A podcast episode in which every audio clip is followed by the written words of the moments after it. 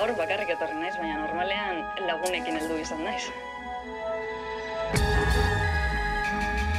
Musika eskutik baldin baduzu normalean lagunak topatzen dituzu ere eta segituan eh, sortzen dira taldeak.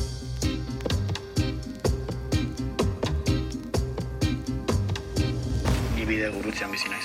Hemen goan izanako. Ez dago aukera zuzeniko. Onak eta okerrako. Denetariko. Bidea. Beti. Zuzen joateko.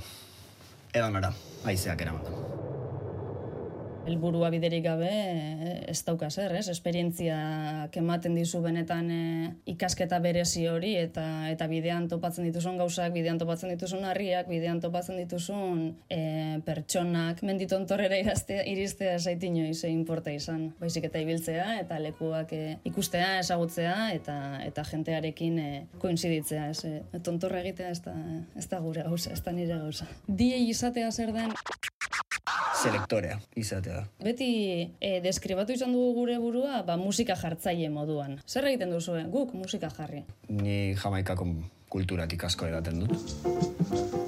Eta DJek prestigio handia daukate. Gu DJ e, moduan hasi ginen, tabernetara joaten ginelako eta gustatzen zitzaigun musika ez zegoelako. Gero egia da nahasketak daudela, ez? E, ba, estilo bakoitzak e, nahasketa batzuk dauzka, gero teknika bat, baina guk hori guztia ikasa genuen bidean. Kultura musikal asko izan behar duzu eta publikoarekin konexio bat sortu. Publikoak behar duena ez da munduko teknika e, gehien dakien DJ bat eta hau gitarristekin berdin ere bai. Nik ez dut nahi gitarrista bat zeinak sartzen dituen mila nota segundu batean. Nik nahi dut zerbait transmititzen didana, ez? Eta DJ-ekin ikustut berdina gertatzen dela. Ezken tokia irakurtzea. Jendeari begietara begiratuz. Erresa iruditzen zaizula egiten duguna? Bueno, ba, egin zazu eta lortu erreakzio hau publikoan, ez? Ze badirudi erresa dela, baina gero energia maila oso altua da, e, publikoa irakurtzea oso garrantzitsua da.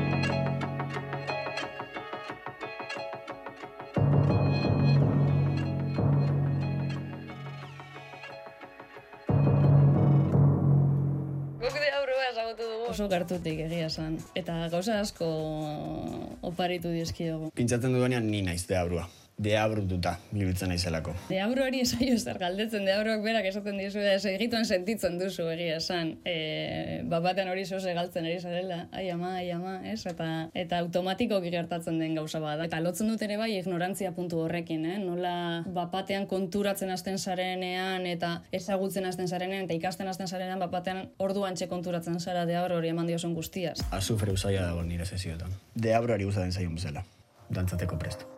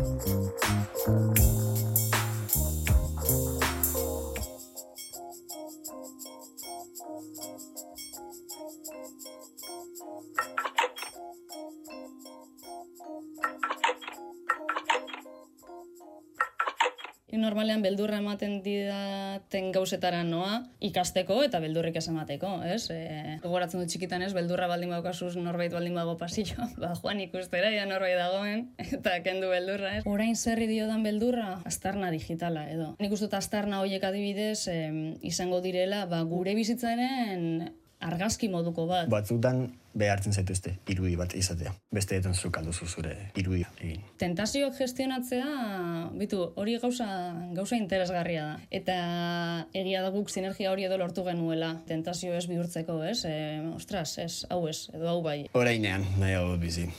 Atzeko retrovisoriari begiratzen batzutan. Argi dauka, eta privacidadea izan zela gauza argi bat e, deabroari oparitu geniona. Bai, bai, bai, gure irudia, gure bizimodua, gure egunerokotasuna. Orain berreskuratu dugu, eh?